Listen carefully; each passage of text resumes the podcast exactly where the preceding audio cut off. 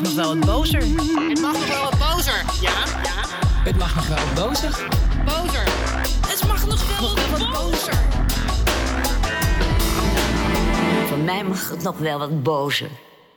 Welkom bij Het Mag Nog Wel Wat Bozer, de podcast van Vrouwennetwerk Zuid. Mijn naam is Veerle Korstens en mijn gast vandaag is Sanie Testjan. Sanie werkt voor Stichting Kesban. En wat deze stichting doet, is het bespreekbaar maken van onderwerpen zoals huiselijk geweld, eergerelateerd geweld, huwelijksdwang, seksuele diversiteit of problemen binnen de families. En hoe ze dat doen, is ze leiden vrijwilligers op die tot dialoogleider in hun eigen achterban dit soort onderwerpen bespreekbaar maken. Van harte welkom, Sanie. Dankjewel, Veerle. Ja, en, uh, maar laten we beginnen met mijn vorige gast, Samira. Zij schreef op haar protestbord: Kijk niet weg. Is dat iets waar jij je in kan vinden? Ja, mond. Ja, kijk niet weg. Ja. Uh, en dan zou ik nog aanvullen met sta stil, uh, oordeelt niet en stel vragen. Oké, dus dat is nog, nog een stukje verder dan dat uh, gaat dat inderdaad. Ja, ja. En uh, nou, dat, dat komt denk ik vanuit jouw werk bij Stichting Kesban. Wat doet Stichting Kesban? Stichting Kesban uh, maakt taboe-onderwerpen bespreekbaar. Onder andere huiselijk geweld, kindermishandeling en nou, nog meer een aantal taboe-onderwerpen zoals seksuele diversiteit en seksualiteit. En, en waarom is dat nodig? Uh, er zijn nog een aantal uh, onderwerpen, thema's. Uh, um, weten wij dat het taboe is om daarover te praten. En er zijn landelijk ook uh, in Nederland al jaren wat doorbreekt de huiselijk geweld en maakt bespreekbaar. En het is nog steeds nodig om dat bespreekbaar te maken, omdat ook niet altijd erkend wordt. bijvoorbeeld seksueel geweld binnen je relatie wordt niet altijd erkend zodanig als geweld. Door de mensen die er zelf in zitten of mensen daaromheen? Oh, ook allebei. Ook de mensen erin zitten. Want uh, geweld doet iets met je. Hè? Want je denkt dat de schuld bij jezelf ligt. En als, als je je beter doet, je best doet en uh, dat het overgaat. En omdat je ook je eigen persoonlijkheid aangetast wordt. En uh, geweld heeft ook altijd iets te maken met macht en onmacht. Ja. uitoefenen van macht maakt het ook dat je onzeker bent. Ja. Als slachtoffer. En, en, en hoe, hoe doen jullie dat, dat bespreekbaar maken? Dat lijkt me dus best moeilijk, want als mensen het dan niet eens erkennen, is dat heel ingewikkeld. Hoe doe je dat dan? Uh, wij maken dat bespreekbaar via de Socratische dialoogmethode, dus uh, ook een laagdrempelig. Uh, wij sluiten ons ook altijd aan bij de bestaande groepen, dus wij gaan de mensen niet werven, nou kom op even, we gaan hierover praten. Maar het zijn meestal mensen die al bij elkaar komen. Het kan zijn dat ze voor een koffieochtend ergens bij een buurtkamer binnenkomen, of kan zijn zijn dat ze de taalkursussen volgen. kan zijn dat ze bij een, een bepaalde stichtingen al uh, voor handwerk of een, een, dergelijke bijeenkomst. En dan sluiten we ons daarbij uh, bij aan. En doe je dat dan één keer of heel vaak? Of? Het liefste willen wij dus ook een, dat dat doorrolt. Dus dan wij trainen ook de vrijwilligers van die groepen en sleutelpersonen. Die trainen wij, zodat zij ook doorgaan. Dus wij starten minimaal drie dialoogbijeenkomsten. En kan het uh, fijn zijn als je dus zes keer organiseert uh, met dezelfde groep, zodat wij ook de verdieping, dus de erkennen, herkennen en dan ook afkeuring. Dus nog belangrijker dat het bewustwordingproces uh, in gang gezet wordt. Ja, dus dat daar iets echt uit voortkomt. Dat iemand uit zo'n relatie bijvoorbeeld kan stappen. Of dat ja. iemand, ja. een buurman of vrouw, die, waar het niet goed gaat in het gezin, daar iets mee kan doen. Zeker. En dat je ook uh, nog belangrijk, dat je eigen vraag kan formuleren. Eigen hulpvraag kan formuleren. Ah, dus dat, misschien dat er ook wel iemand in die groep zit die zelf in zo'n situatie zit. En die dan naar hulpverlening kan stappen. Ja. ja. En de naam Kesban, waarom heet Kesban Kesban? Kesban draagt de naam van een Turkse vrouw die uh, vermoord is bij zijn bij haar kinderen uh, door haar ex-man. Uh, zij was al drie jaar gescheiden, woonde ze samen met kinderen in Zwijndrecht. In 1999 is zij vermoord op straat door haar ex. En vrienden die hebben gezegd, nou, dit mag nooit meer gebeuren. Omdat Keesman al een aantal keer ook uh, meldingen had gedaan. Ze heeft aangegeven dat ze zich onveilig voelde. En men dacht, ja, zij, je woont gewoon in een andere stad en je bent gescheiden en het gaat goed en niks aan de hand. Maar in de ogen van die man, uh, in de hart van die man, waren zij nog niet gescheiden.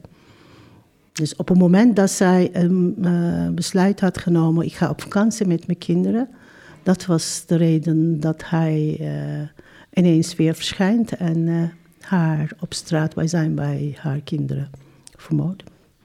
En wij dragen dus ook de naam van uh, Kesban. Dat is een symbolisch geheel. Ja. Maar we werken dus niet voor de bepaalde doelgroep. Dus een Turkse doelgroep of vrouwen of mannen. We werken dus echt uh, voor alle doelgroepen.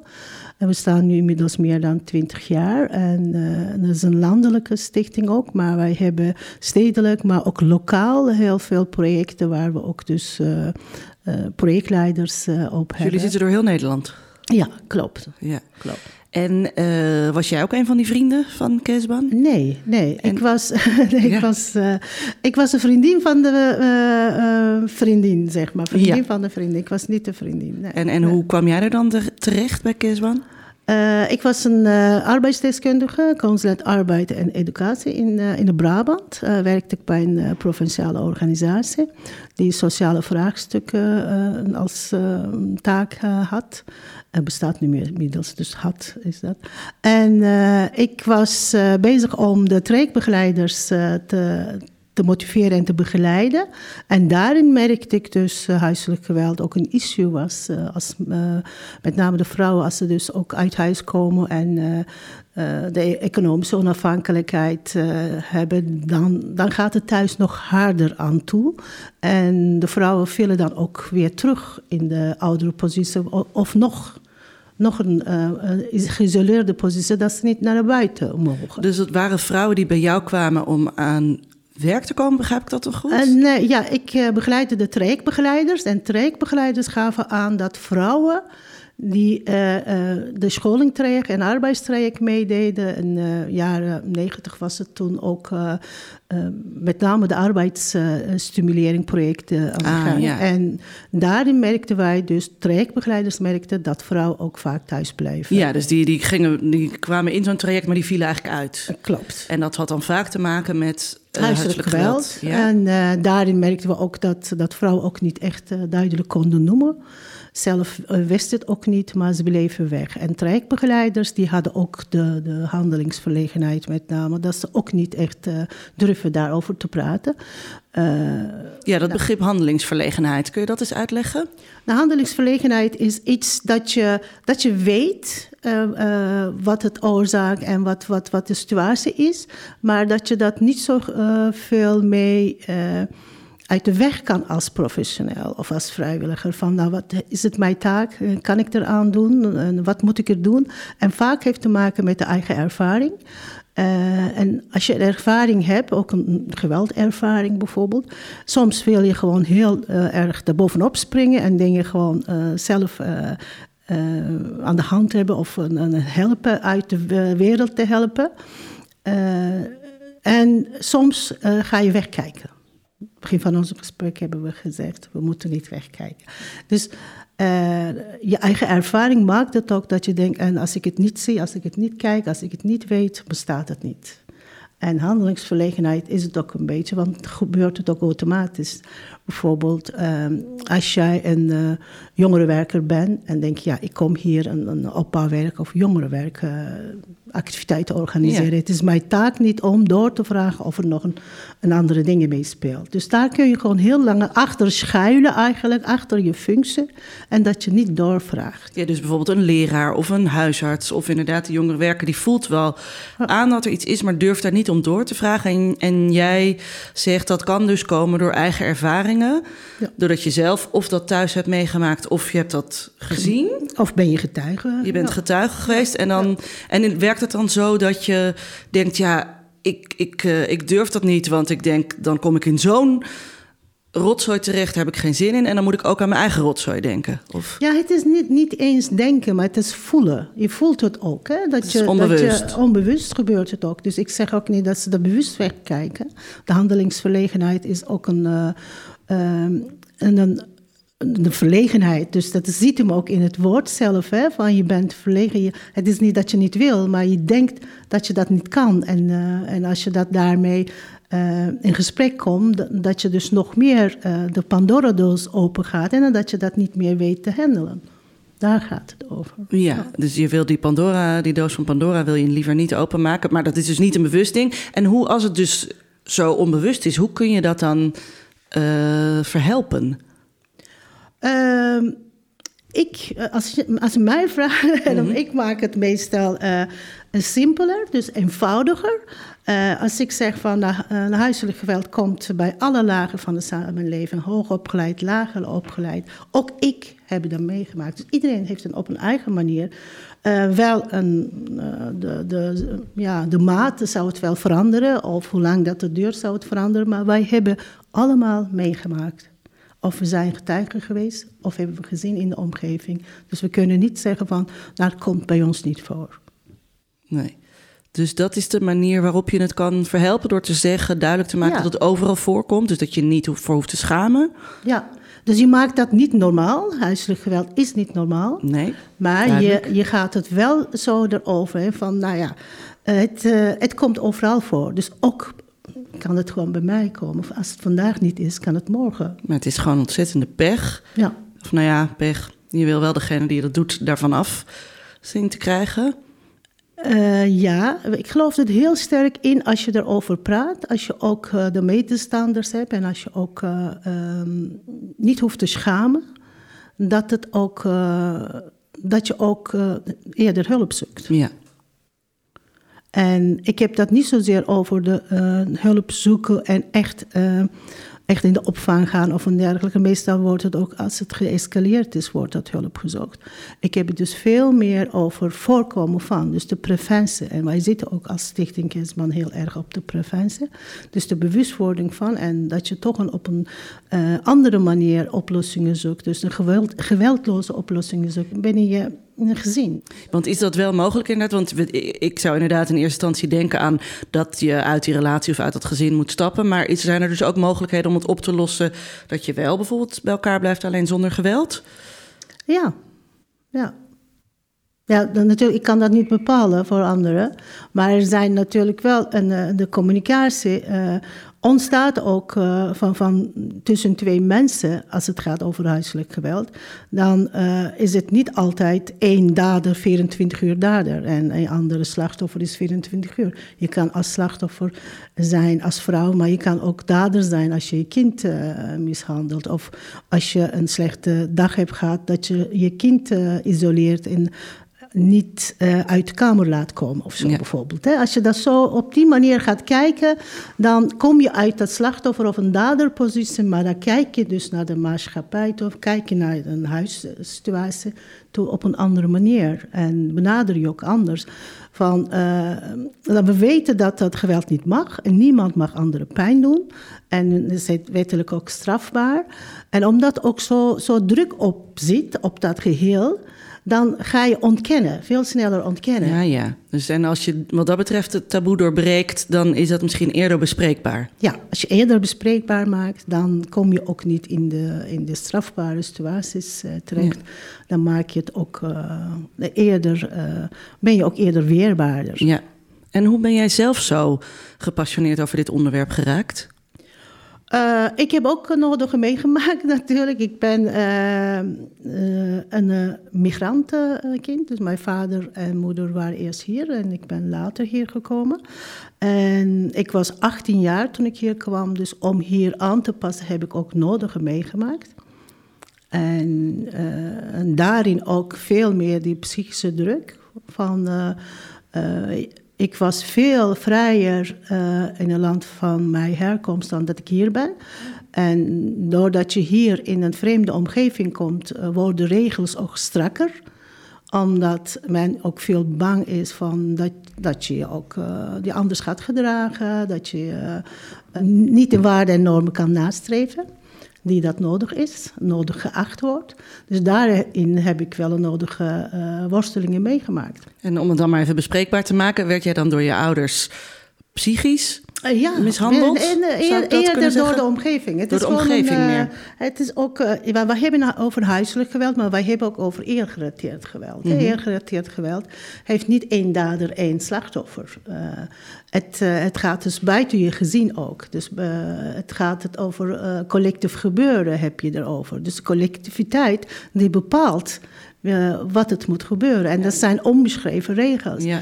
En ik kan niet zeggen dat mijn ouders of mijn vader en moeder dat druk uitgeoefend hebben. Eerder de omgeving, dus waar, waar zij in leven. Die En was het dan druk om, om, om te trouwen met iemand of om niet Ja. zelfstandig als vrouw te werken? Of Ja, dat alles, allemaal? al alles. hele rijtje, Ja, hele ja, hele rijtje. rijtje heb je allemaal afgevinkt. En jij dacht, eh hele rijtje, toedeledokie, ik ga lekker zelf werken en trouwen met wie ik wil. En, eh, klopt, ja. en dat werd niet geaccepteerd. Ja. En wat gebeurt er dan? Eh, nou, dan vaak ga je daar weg. Hè? Dat is dus de enige weg die je als een eh, jonge eh, meid, een jonge rebel, eh, nou, wat doet dat? Gaat dat huis weg. Ja. En, en mag ik het zo samenvatten als dat jij dan zou willen, misschien dat er liever over gepraat werd en dat je dan wel je eigen ding kon doen, maar wel met je familie en omgeving nog contact houden, in plaats van dat jij moest weg dan. Dan is de enige optie weggaan uit die eh, gemeenschap. Op dat moment wel, ja. Maar je zou liever willen met kerstband mensen dat je dat wel met elkaar Dat je kan veel, oplossen. veel eerder eh, dat het bespreekbaar gemaakt wordt en dat je ook de, eh, mm, de bondgenoten zoekt. En dat je ook, ik had het ook liever gewoon bondgenoten willen hebben in de dichte omgeving, waar ik eh, ja, de voordelen en nadelen van dingen kan bespreken. En, eh, en misschien hadden ze ook kunnen bemiddelen tussen, eh, tussen al die collectief eh, Ja. Denkende mensen. En eh, dat dat gewoon een, eh, een jonge meid ook een eigen zeggenschap heeft over haar eigen, eigen leven. Of een eh, de, de zelfbeschikkingsrecht. Hè? Dat lijkt dat heel simpel. Van, nou ja, je, je mag een eigen keuze maken van met wie je gaat trouwen en welke school je gaat en waar je gaat wonen. Maar het lijkt niet zo simpel. Niet altijd. En soms gebeurt het ook eh, vanuit de loyaliteit die je hebt voor je ouders. En je kiest er eerder om, eh, om hen niet... ehm, vanuit de liefde, hè, van, om niet hen kwetsen. niet eh, kwetsen. En eh, omdat je ook weet dat het heel zwaar getild wordt. En soms eh, eh, denk je van, nou ja, ik kies voor mezelf. En dan kies je gewoon de andere weg. En daarin dan kun je natuurlijk altijd wel... Een gesprek voeren en bondgenoten is dan wel heel hard nodig. Of een dialoogleiders waar je in gesprek kan gaan. Of een, een, een omgeving waar je eh, je veilig voelt. eh, bespreekbaar maken over, over je, eh, ja, de onderwerpen waar je moeilijk thuis kan praten. Ja, dus dat wat jij vroeger heel hard nodig had gehad, dat heb je nu gecreëerd. Zeker, ja. ja. Nou, voor mij mag het nog wel wat bozer. Ja, deze podcast heet Het mag nog wel wat bozer. Waar maak jij je boos om? Boos, ja, ik, eh, ik zit natuurlijk in het thema. Het, eh, het moet niet eh, heftig en, en boos zijn. En boos vind ik een heel groot woord. Ik zou dat vurig zijn. Ja? Vurig. ik zou dat vurig. En dan zou ik, als je dat kijkt naar de emancipatie, denk ik elegant vurig. Ja, dat zou ik dat. eh, Ja, dan zit je op dezelfde lijn als Hedy Dancona. Die zei ook, het, moet, het is Ja, niet boos, maar strijdvaardig, zei Ja, ze. zoiets. Ja, ik zou dan elegant vurig. eh, Ja, nou waar, maken. waar word jij vurig van? Wanneer vlam jij op? Ik word vurig van eh, als het eh, gaat over, ehm, de, eh, over gesproken wordt over gelijke rechten en eh, over burgerschap. En eh, iedereen heeft de gelijke rechten en, en zelfde maat. En denk ik, ja, er zijn ook grote groep die de rechten niet weten. dus de informatie niet hebben. Wij hebben ook internationaal ook de, de informatierecht. Maar niet iedereen heeft ook de informatie waar, waar ze dus hun positie, be- bewust worden over hun positie. En waar zie je dat gebeuren? Bijvoorbeeld bij de ouderen. Een ouderen die digitaal niet machtig zijn. Bijvoorbeeld bij laaggeletterden. Die niet durven, die nog steeds taboe is, die niet durven eh, te zeggen van... Goh, ik kan niet lezen of eh, als ik lees kan ik niet begrijpen. Is zo goed als, eh, want ik had er ook moeite mee toen ik ouder word, dat ik een, eh, een leesbril eh, bij moet dragen. Ik heb er soms nog steeds moeite mee in openbaar meteen een leesbril bij te pakken of zo. Ja, als je dat niet leest, de kleine letters, ja, dan, dan begrijp je ook niet Nee. dat je ongelijk behandeld wordt. En je weet het ook niet waar je handtekening zet. En niet iedereen durft dat te zeggen. Ja, dus dat dan heeft dan ook weer te maken met weerbaarheid. wederom. Weerbaarheid, bewustwording daarvan. En ook, eh, we leggen ook heel snel eh, bij de individuen of bij de personen die probleem hebben, leggen wij ook de taak. Ik denk dat wij ook een taak eh, bij hebben als buitenstaander, medestander, als burger. Burgerschap hebben, hebben wij ook vergeten. Dus het is niet alleen diegene die probleem hebben, heeft de taak bij om ons bij- te benen en bij te Ja. blijven bij dit maatschappij. Maar de rest ook. Diegene die weet, die heeft ook een taak bij. Dus ik zou jou een eh, leesbril moeten brengen. Ja, nou, nou, niet, niet zo van eh, misschien de goede vraag stellen van eh, kan je goed zien? Ja, precies. Maar dus dat, dat is een Ja. pleidooi eigenlijk voor inderdaad de, de medemens als je iets ziet even helpen. Ja, ja, zoiets. Maar het is ook misschien een ander voorbeeld die nog duidelijker maakt over. Wij leggen altijd de, eh, de, de weerbaarheid. Het slachtoffer moet weerbaar worden. Maar de rest, de meekijkers, die moeten ook weerbaar worden. Weerbaar worden dat niet iedereen mee kan komen. Oeh, en dat is heel mooi omschreven, vind ik. Dat je Ja. dus niet zegt, de, de meekijkers die krijgen de schuld. Zeg maar, er wordt natuurlijk vaak gezegd, hoezo, hoezo doet niemand iets als er iemand in elkaar geslagen wordt? Dan, dan zijn Ja. diegenen eigenlijk schuldig. Maar jij zegt dus, veel mooier, Ja.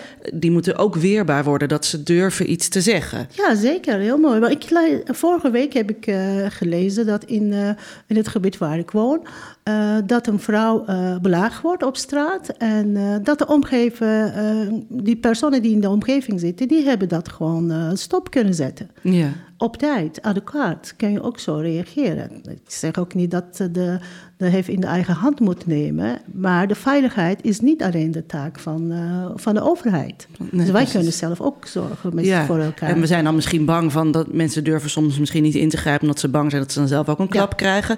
Maar het is dus gewoon wel degelijk mogelijk om veilig iets stop te Ja, zetten. ja. En dat, dat zou je willen laten zien. En, eh. En dan kun je ook naar de individu, tussen individuen ook naartoe trekken. Eh, bijvoorbeeld rondom de, de seksueel geweld. Dat, eh, dat het per se degene die aangevallen voelt aan grenzen moeten trekken. Maar er zijn ook de daders, of de daders, of diegene die dat... eh, de daad eh, doet, die kan ook de grenzen eh, Ja. zien aankomen. Oh, eh, zij geeft een signaal en ik mag niet voor. Of hij geeft een signaal, ik, ik mag het niet verder. Ja, we zeggen natuurlijk altijd, die, die, degene die het slachtoffer is, die moet uit die relatie stappen. Maar waarom moet die iets doen? Ja. Waarom moet degene die het geweld pleegt niet iets doen? Klopt. Moet die niet eruit stappen? Klopt, Ja. Ehm, nou, we hebben een mooi protestbord voor je. Oké. ja, dan vragen of je daar iets op zou willen schrijven. Waar jij voor, nou, waar zou jij de straat voor opgaan bijvoorbeeld? Wat zou jij mee willen geven? Wat, ehm, Ik zou eh, de handelingsverlegenheid met de grote letters op willen schrijven. Nou, dat lijkt me een goed idee. Ga ervoor. Dat wij dan allemaal leren wat dat is. Bozer. Het mag nog wel een bozer. Bozer. Handelingsverlegenheid. Oh, het is geluid. En moeten we dan iets zeggen, stop handelingsverlegenheid? Of eh, weet wat het is, handelingsverlegenheid, als we iets willen aansporen? Stop, denk ik. Stop handelingsverlegenheid. Ja, stop. En, en hoe, eh, hoe kunnen we dat voor elkaar krijgen? En nogmaals, ehm, als je zeker bent van jezelf, dan is het heel makkelijk om dit voor elkaar te krijgen. Maar wij leven ook niet in zekere tijden. We leven ook allemaal onzekere tijden. We weten niet wanneer eh, we mensen eh, aan moeten spreken en hoe en wat, hoe dichterbij kunnen we komen. Dus heel, heel moeilijk. En er wordt een uitdaging in die tijd, zeker wel. Maar ehm, ik zeg altijd onderbuikgevoelens, die zeggen vaak. En ehm, anatomisch gezien, eh hart luistert niet, maar eh, soms moet je met je hart, eh, hart luisteren. Dus ehm, eh, ja, andersom denken, andersom denken. Ja. En je zou ook graag een onderzoek willen, geloof ik, toch? Naar handelingsverlegenheid. Nou, handelingsverlegenheid rondom de kindermishandeling veel gedaan. En dus het hele meldpunt rondom de handelingsverlegenheid bij melden bij geweld bij kinderen. Eh, dus gelukkig daardoor zijn ook, eh, dus we hebben we ook terug eh, kunnen dringen. Er zijn ook meer meldingen, dus kindsignalen zijn ook meer aangekomen. Maar eh, de, voor de rest, dus eh, met name bij volwassenen, mannen, vrouwen, en eh, daar wordt het nog steeds de handelingsverlegenheid. eh, daar zou ik wel graag eh, onderzoek willen hebben. En wat zou een onderzoek dan helpen? Vaak merk ik wel als je een, eh, in de groep spreekt een groep eh, dit soort zaken aan de orde stelt. Eh, als je de cijfers aangeeft van nou zoveel was het en het begin eh, van het onderzoek eh, of het begin van de wetgeving en nu is het zoveel procent lager of hoger, dat spreekt bij de mensen heel veel. Dan beweegt het wel. Ja, precies. Dan, dan denken mensen nog meer van... hé, hey, ik ben niet alleen. Het is heel volstrekt... Ja, normaal is niet het goede woord... maar het, het komt veel voor, dus Klopt. hoef me niet te schamen. Klopt. Ja, exact, ja. Nou, eh, veel dank voor, eh, voor dit eh, mooie gesprek en mooie inzicht. Ehm, dit was Het Mag Nog Wel Wat Bozer, de podcast van Vrouwennetwerk Zuid. Ehm, ik dank natuurlijk mijn gast, Sanie Tesjan. Ontzettend fijn dat je hier was. En ons leert dat je ja, juist mensen die ervaring hebben... dat die dit soms juist heel wegstoppen, onbewust. En dan uit angst ja, het juist moeilijker maken. Dus... ehm, Laten we proberen dat te stoppen, inderdaad. Ehm, ik dank ook John Hille, die de eindmixage van deze podcast verzorgt. En iedereen voor het luisteren. Fijn dat jullie er waren. En vind je deze podcast interessant? Druk dan op het like-knopje in je podcast-app. En eh, deel deze vooral op sociale media. Dan helpen we ook de handelingsverlegenheid stoppen. Veel dank.